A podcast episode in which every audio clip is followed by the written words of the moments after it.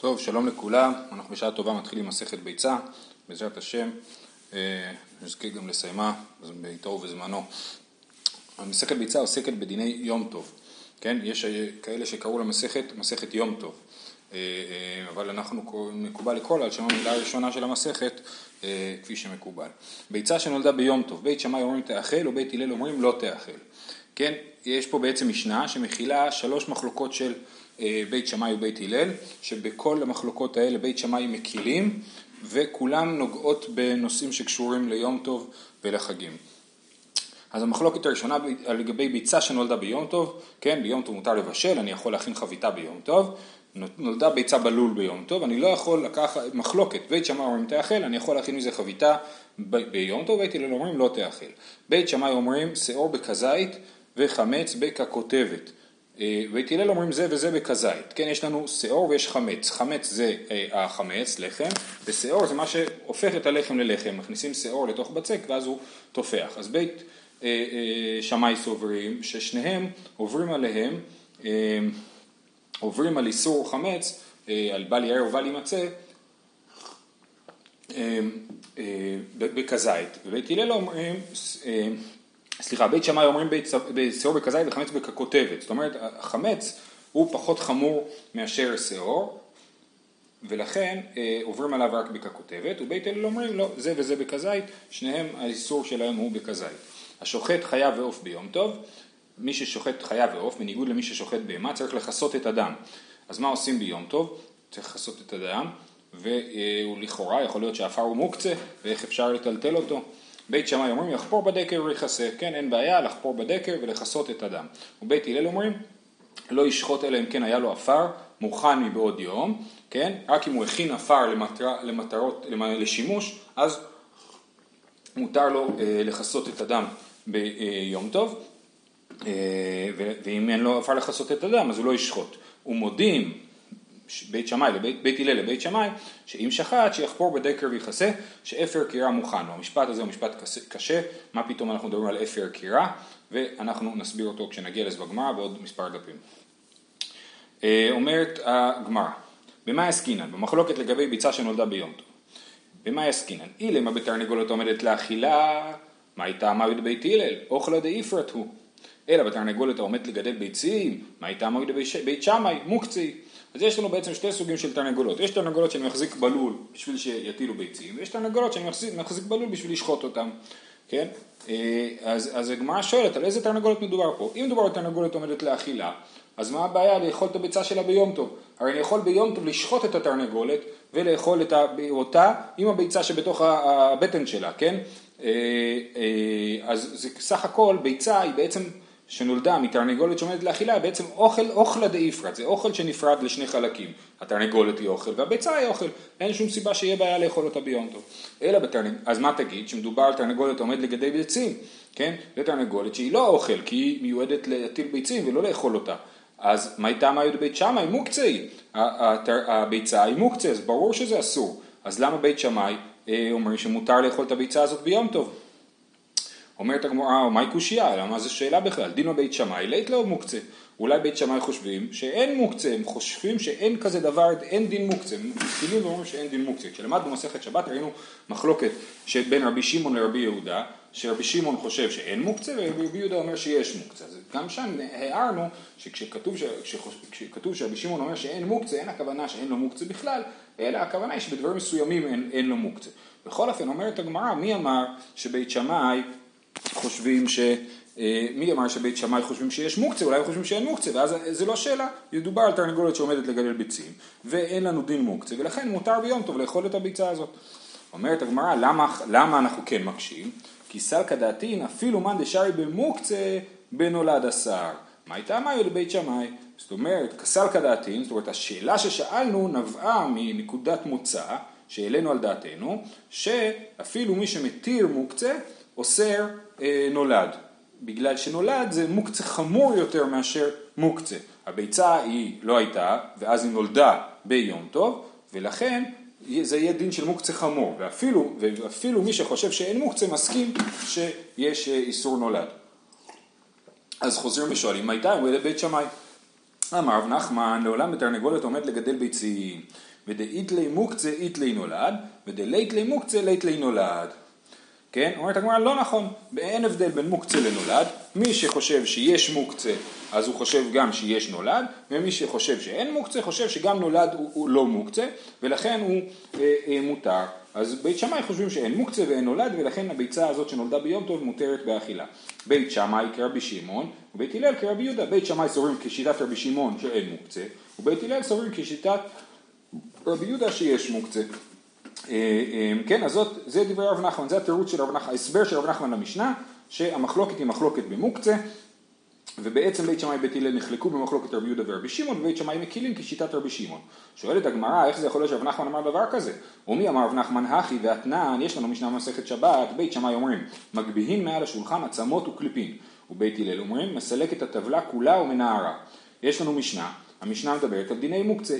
יש לי, אני עכשיו אכלנו ארוחת אה, אה, סעודת שבת, והשולחן מלא קליפות ועצמות, כן?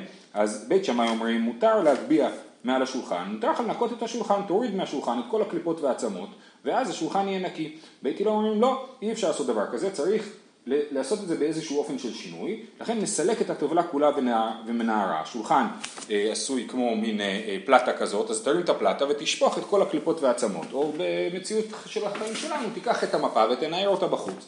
ככה אפשר לעשות, אבל אי אפשר להגביה את השולחן בעצמות. אז עוד פעם אנחנו רואים שבית שמאי חושבים שאין מוקצה ובית הלל אומרים שיש מוקצה, מסתדר יופי לרב נחמן, אבל מה? רב נחמן, על המשנה הזאת הוא אמר דבר מדהים, אמר רב נחמן, אנו אין לנו אלא בית שמאי כרבי יהודה ובית הלל כרבי שמעון. רב נחמן הפך את המשנה הזאת, הוא אומר המשנה הזאת היא לא מדויקת. בית שמאי אומרים מגביהים מעל השולחן העצמות וכלובים, בית הלל אומרים סלקת הטובה כולה מן הערה, אומר אנחנו אינו אין לנו, אנחנו לא מקבלים את המשנה הזאת כפי שהיא, אלא הופכים את השיטות ו- ו- ופוסקים שבית שמאי מחמירים, שמסלקת הטובה כולה מן הערה, ובית הלל מקילים ש... אה, אה, מותר להגביה מהשולחן עצמות וקליפים. אז רב נחמן סותר את עצמו, אצלנו במסכת ביצה רב נחמן אמר שבית שמאי פוסקים כרבי שמעון, ובמסכת שבת רב נחמן התעקש להגיד שבית שמאי פוסקים כרבי יהודה. וכן ההפך לגבי בית הלל. אה, תשובה, אומרת הגמרא, אמר, אמר לך רב נחמן, גבי שבת דסתא בלנתנא כרבי שמעון, אני, אני אקדים את התשובה ואז נקרא את זה בפנים. רב נחמן אומר, המשניות במסכת שבת הסתם שלהם, זאת אומרת כשמופיעה שיטה בלי, בלי לייחס אותה למישהו, אז הסתם של המשנה פוסק שאין מוקצה, והסתם של המשנה מסכת ביצה אומר שיש מוקצה, אז יש לנו סתירה בין הסתם הזה לסתם הזה, ולכן, אני, אומר רב נחמן, אני רוצה שתמיד בית הלל יתאימו לסתם, אז הסתם של המשנה בשבת שיש בו מוקצה, שאין מוקצה, זה כבית הלל, לכן את המשנה על בית שמאי ובית הלל במסכת שבת אני הופך, והסתם של המשנה במסכת ביצה, ש... אה, יש מוקצה, לכן אני אה, אומר שבית שמאי אומרים שאין מוקצה ובית הלל אומרים שיש מוקצה כמו הסתם של המשנה. עכשיו נקרא את זה בפנים. אמר לך רב נחמן, לגבי שבת דסתם לנתנא כרבי שמעון, בשבת התנא סתם כרבי שמעון אפוא דתנן, מחתכין את הדלויים לפני הבהמה ואת הנבלה לפני הכלבים כן? אז הנה אנחנו, מהסיפא של המשנה, שמותר לחתוך את הנבלה לפני הכלבים, אה, אז אנחנו רואים שאין מוקצה. למה? למה נבלה היא מוקצה? כי מדובר אפילו על נבלה שמתה בשבת. לפני שבת היא הייתה חיה, והיא מתה אחרי כניסת שבת, אז לפני שבת היא לא הייתה מיועדת לאכילה, ועכשיו היא מתה, ועכשיו היא מיועדת לאכילה לכלבים, אז, אז אומרת המשנה, מותר לך לטלטל את הנבלה, לחתוך אותה לפני הכלבים, סימן שאין מוקצה. אה, אה, אז לכן מוקים לה לבית הלל כרבי שמעון. עוד פעם נקרא את כל המשפט, אמר רב נחמן גבי שבת וסתם לנתנא כרבי שמעון. דתנן מחתכין את הדלויים לפני הבהמה ואת הנבלה לפני הכלבים, מוקים לה לבית הלל כרבי שמעון. אבל גבי יום טוב דסתם לנתנא כרבי יהודה דתנן, ביום טוב במסכת ביצה, התנא סתם כרבי יהודה שיש מוקצה, דתנן אין מבקעים עצים מן הקורות ולא מן הקורה שנשברה ביום טוב, קורה שנשברה ביום טוב, אסור לבקע ממנה עצים, ביום טוב מותר להדליק אש, אז אתה יכול, אתה צריך לקחת עצים מאיפשהו, יש לך איזה קורה שנשברה ביום טוב, היה קורה בפרגולה שנשברה ביום טוב, ועכשיו אני אומר, אה, נשברה לי הקורה, ולהשתמש בה לפחות להסקה, לעצים, להדליק אה, מנגל, אז, אז אומרת הגמרא, אסור, אה, אומרת המשנה, אסור, אה, אין מבקים עצים מן הקורות ולא מן הקורה שנשברה ביום טוב. אז, אז, אז לפני שיום טוב זה לא היה מיועד להסקה, ועכשיו, אחרי שזה נשבר ביום טוב, אז, אז זה מיועד להסקה, אבל אז זה היה מוקצה כי בכניסת החג זה לא היה מיועד להסקה, אז אומרת המשנה, אין מבכים, אסור לבקע את הקורה שנשברה ביום טוב, ולכן אה, אה, אז הסתם של המשנה במסכת ביצה הוא כרבי יהודה, לכן רב נחמן מוקים לה לבית הלל כרבי יהודה. טוב, זה הסבר משכנע בשיטת רב נחמן, אבל זה עדיין מאוד קשה, מה פתאום יש לנו הבדל בין יום טוב לשבת. אומרת הגמרא, מיכדי מנסתמי למתניתין רבי, מי סתם את המשנה? מי ניסח את המשנה? אנחנו יודעים, רבי, רבי יהודה הנשיא ניסח את המשנה. אז אה, אומר, מה נסתים למתניתין רבי? מה ישנה בשבת דסתם לן כרבי שמעון, ומה ישנה ביום טוב דסתם לן כרבי יהודה? למה אה, הוא שינה את דעתו בין שבת לבין יום טוב? אמרי שבת דחמירה ולא אתי לזלזולי בה, סתם לן כרבי שמעון דמייקל. יום טוב דקיל ואתי לזלזולי בי, סתם לן כרבי יהודה דמחמיר. כן? אז, אז רבי בעצם רבי פסק שבשבת אין מוקצה וביום טוב יש מוקצה, כי, כי שבת היא חמורה, אז זה שיש, שאין דין מוקצה לא, יבוא, לא יגרום לזלזול כללי בדיני שבת, אבל יום טוב שהוא קל, שמותר לבשל ביום טוב ולעשות ולהוציא מרשות לרשות ליום, ביום טוב, אז יש יותר חשש שיבואו אה, לעבור על איסורים, ולכן החמיאו להגיד שיש דין מוקצה ביום טוב כרבי יהודה. אז אה, אה, פה נגמר התירוץ, ההסבר של רב נחמן למשנה, שהמשנה שלנו, המחלוקת לגבי ביצה, היא מחלוקת במוקצה, וביום טוב יש דין מוקצה, אנחנו פוסקים כבית הלל שיש דין מוקצה ביום טוב, ככה מסביר רב נחמן. אומרת הגמרא, יש לנו בעיה עם זה. במה יוקימתא, איך העמדנו את המשנה ותרנגולת העומדת לגדל ביצים, משום מוקצה. אי הכיא דמפלגי בביצה, לפלגו בתרנגולת. למה בעצם נחלקו בביצה? ביצה זה מקרה יותר מדי אה, זה מקרה ייחודי. בוא תדבר על תרנגולת, יש לי תרנגולת שעומדת לגדל ביצים, הרי הביצה הזאת נולדה מתרנגולת שעומדת לגדל ביצים, אבל גם התרנגולת בעצמה היא מוקצה, כי היא עומדת לגדל ביצים. אז היינו צריכים להגיד, תרנגולת עומדת לגדל ביצים, בית שמאי אומרים תאכל ביום טוב, בית הלל אומרים לא תאכל. למה הם, הם מנסחים את זה לגבי הביצה ולא לגבי התרנגולת? אז לכן זה דוחה את ההסבר של הרב נחמן. אומרת הגמרא, יחי עד מפלגי בביצה, נפלגו בתרנגולת. מתרצת, הגמרא, להודיעך כוחן דבית שמאי, דבנולד שערי, כן, אומרת הגמרא, נכון, באמת היה אפשר לכתוב את המחלוקת על תרנגולת, אבל רצינו לכתוב את המחלוקת על ביצה, להודיע לנו שאפילו שבית שמאי לא מקלים רק בביצה, בתרנגולת שהיא מוקצה רגיל, אלא אפילו בביצה שהיא נולד. לכן הגמרא, המשנה ניסחה את המחלוקת על הביצה ולא על התרנגולת. להודיעך כוחן דבית שמאי, כן? להגיד כמה שבית שמאי מקילים, כמה חזק, חזק הקולה שלהם. להודיעך כוחן דבית שמאי דבנולד שרי. אומרת הגמרא, בסדר, אתה יכול גם להתווכח על תרנגולת, לפלוגי בתרנגולת, להודיעך כוחן דבית הלל דממוקצה עשר, אז בוא נחלוק בתרנגולת, כי עכשיו שחולקים בביצה, אני עלול לחשוב שבית הלל חושבים שאין מוקצה ביום טוב, רק נולד הם מחמירים, ולכן היינו צריכים להשמיע לנו שבית הלל חושבים שאפילו התרנגולת היא אה, מוקצה.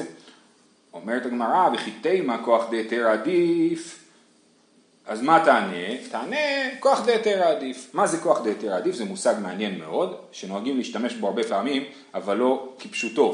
מסביר רש"י, כוח דהיתר עדיף לי, טוב לא להשמיענו, כוח דברי המתיר. יותר חשוב להשמיע את מי שמתיר מאשר את מי שאוסר, שהוא סומך על שמועתו ואינו ירא להתיר. מי שמתיר סומך על שמועתו ואינו ירא להתיר. לעומת זאת, כוח האוסר אינה ראייה, אינה ראייה, שהכל יכולים להחמיר אפילו בדבר המותר, כן? להחמיר תמיד אפשר, אני לא צריך שיספרו לי שאסור, אני יכול להחמיר גם בלי שיספרו לי שאסור. להקל, אני צריך שמישהו יגיד לי שמותר בשביל שאני אדע ש, שהדבר הזה מותר. אז זו תשובה לשאלה, בית, למה הגמרא, למה המשנה העדיפה לדבר על ביצה? בשביל להשמיע לנו כמה שבית שמאי מקילים, הם מקילים אפילו בנולד, בביצה, ולא רק בתרנגולת. לכן עדיף לנו לספר את המחלוקת על הביצה, ולא לספר לנו את המחלוקת, את שיטת בית הלל, שאוסרים אפילו בתרנגולת, כי זה כוח די סורה, כוח די סורה לא עדיף לנו להשמיע, עדיף לנו להשמיע כוח די היתרה. אז זה המושג כוח די היתרה עדיף. אומרת הגמרא, לא, זה גם לא משכנע אותנו, ונפלוג בתרביו. אז מה, אז במקום, אז, אז אתה אומר לי למה היה צריך דווקא להשמיע את המחלוקת בביצה? היה אפשר פשוט להגיד את המשנה גם על תרנגולת וגם על ביצה. איך אומרת הגמרא? ונפלוג בתרוויו, תרנגולת העומדת לגדל ביצים, הוא, היא וביצתה, בית שמאי אומרים תאכל ובית אומרים לא תאכל, כן? זאת אומרת, אה, אה, היה אפשר אה, לספר את המחלוקת גם על תרנגולת וגם על ביצה, וזה שהמשנה, וחוזרת לשאלה הבסיסית, וזה שהמשנה התמקדה בביצה ולא בתרנגולת, מוכיח שהדיון הוא לא דיון על מוקצה, אלא דיון אחר. אמר רבא, זה הסבר השני למשנה, יש ארבע הסברים למשנה, היום נראה שתיים ומחר נראה עוד שתיים. אמר רבא, לעולם בתרנגולת עומדת לאכילה, דובר על תרנגולת עומדת לאכילה, אה תגידו רגע, אבל מה הסיפור, התרנגולת עומדת לאכילה? אין בזה מוקצה, כי זה אוכל די יפרד, זה רק אוכל שנפרד לשתיים, התרנגולת אפשר לאכול, אז גם את הביצה שלה אפשר לאכול. אז למה זה יהיה אסור? למה בית הלל אומרים לא תאכל? וביום טוב שאחר, שחל להיות אחר השבת עסקינן. מדובר על יום טוב שחל להיות ביום ראשון אחר השבת ומשום הכנה, כן? בגלל הבעיה של הכנה, תכף נראה מה זה הכנה, וכסבה רבה, כל ביצה דמתיילתא עידנא מאתמול גמרה לה, כן, הרבא חושב שכשהתרנגולת מטילה ביצה היום, סימן שזה התבשל בבטן שלה אתמול, ביום, כן, אז אם מדובר על יום טוב שהוא ביום ראשון, מתי הביצה התבשלה בבטן של התרנגולת? ביום שבת, ורבא לטעמי, וזה מה זה הכנה, דאמר רבא, מאי דכתיב היה ביום השישי והכינו את אשר יביאו, כן, יש לנו פסוק שמדבר על האמן, כן, שנפל, שמקבלים מנה כפולה ביום שישי, וכתוב היה ביום השישי והכינו את אשר יביאו, כן, חול מכין לשבת וחול מכין ליום טוב, ואין יום טוב מכין לשבת ואין שבת מכינה ליום טוב. אז רבא לומד מזה, דווקא ביום שישי הכינו את אשר יביאו, דווקא ביום שישי שהוא יום חול אפשר להכין לשבת. ולפי רש"י, הנקודה פה זה, זה, זה, זה החשיבות הסעודה של השבת. חשיבות הסעודה של השבת גורמת לזה שצריך להכין את הסעודה הזאת דווקא ביום חול. וחשיבות הסעודה של יום טוב גורמת לזה שצריך להכין דווקא ביום חול את, ה, אה, את הסעודה. ולכן, אם הביצה שאתה רוצה לאכול אותה ביום טוב, זה לא ארוחה שהוכנה, מ, זה לא היה מוכן לארוחה מיום חול, זה היה מוכן לארוחה משבת, וזה פוגע בכבוד היום טוב, כן? ככה רש"י מסביר. אה, אני אקרא לכם את זה ברש"י. אה, אה, כן, בסוף דיבור מתחיל והכינו, הוא אומר, וכתיב ביום השישי, סתם שישי חולו, ואח שברחמן על הסעודת שבת, שיזמיננה מבעוד יום ובחול. צריך לה, לה, להזמין את הסעודה ולהכין אותה מ, מיום חול. אז נכון שביום טוב אנחנו מכינים אוכל כמובן, כן, אבל הנקודה היא שצריך להכין, את, להכין, זאת אומרת שיהיה מוכן, המצרכים יהיו מוכנים כבר מיום חול.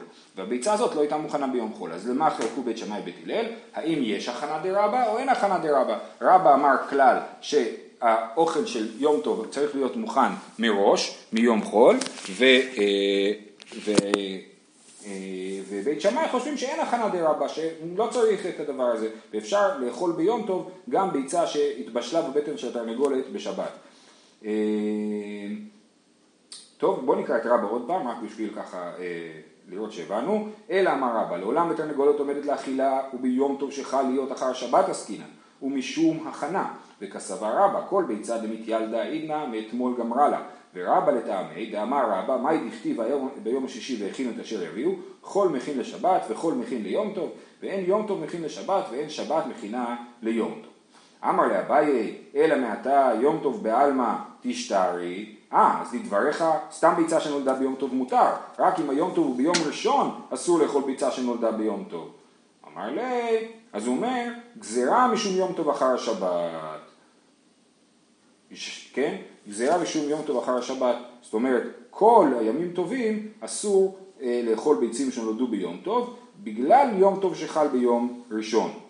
אומרת הגמרא, אה, שבת דעלמא תשתרי, אה, כן, יהיה בשבת מותר לאכול ביצה שנולדה בשבת, רש"י מסביר איך אתה אוכל ביצה שנולדה בשבת אסור לבשל, לגמוע ביצה חיה שנולדה בו, כן, שיהיה מותר לאכול ביצים חיות, כן, פעם חזנים, אני, יודע, אני לא יודע אם עדיין עושים את זה בשביל הקול שלהם, אז האם מותר או אסור לאכול ביצה שנולדה בשבת? מתרנגולת עומדת לאכילה, תרנגולת עומדת לגדל ביצים זה אולי מוקצה, אבל תרנגולת עומדת לאכילה שהיא איננה מוקצה, אז אולי יהיה מותר ל, אה, לאכול אותה בשבת, אומרת הגמרא על זה, גזירה משום יום טוב, אה, אה, שבת בעלמא תשתר, גזירה משום שבת אחר יום טוב, כן? לפעמים יום טוב חל ביום שישי, ואז אסור לאכול ביצה בשבת, שנולדה בשבת. אז גם, כל הש... אז, אז לכן כל השבתות אסור, משום שלפעמים יש שבתות שהן ביום, אחרי יום טוב.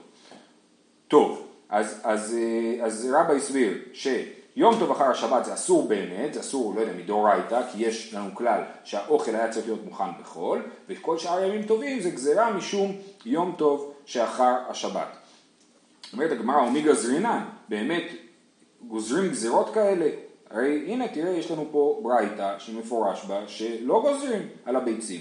והתניא, השוחט את התרנגולת ומצא בביצים גמורות, מותר לאוכלן ביום טוב.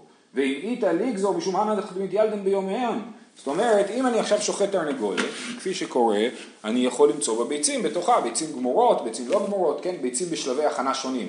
כן, אפשר למצוא חלמון רק, אפשר למצוא ממש ביצה קשה בתוך הבטן של התרנגולת, אז אה, לא ביצה קשה, ביצה עם קליפה קשה אה, בבטן של התרנגולת. אז, אה, אז השוחט התרנגולת יוצא ביצים גמורות, מותר לאוכלן ביום טוב. אז ואנחנו לא גוזרים על הביצה שבתוך הבטן של התרנגולת, משום הביצה שנולדה כבר ביום טוב, סימן אה, לא גוזרים על הביצים. כן? ויהיה מותר לאכול ביצים כל יום טוב, ורק ביום טוב שאחר השבת יהיה אסור לאכול ביצים. אומרת הגמרא, אמר לי, ביצים גמורות במעי אימן, מילתא דלא שכיחא היא, ומילתא דלא שכיחא לא גזרו ברבנן. כן, למצוא ביצה גמורה, מה זאת אומרת ביצה גמורה? ביצה טוב, מה זה ביצה גמורה? זה מחלוקת אחרת, אבל בואו לצורך הדיון נאמר שביצה גמורה, הכוונה היא לביצה שלמה עם קליפה, זה דבר שהוא לא, לא מצוי למצוא אותו בתוך התרנגולת ששוחטים אותה, ולכן לא גוזרים, חכמים לא גוזרים על דברים שאינם מצויים ורק על דברים שכן מצויים.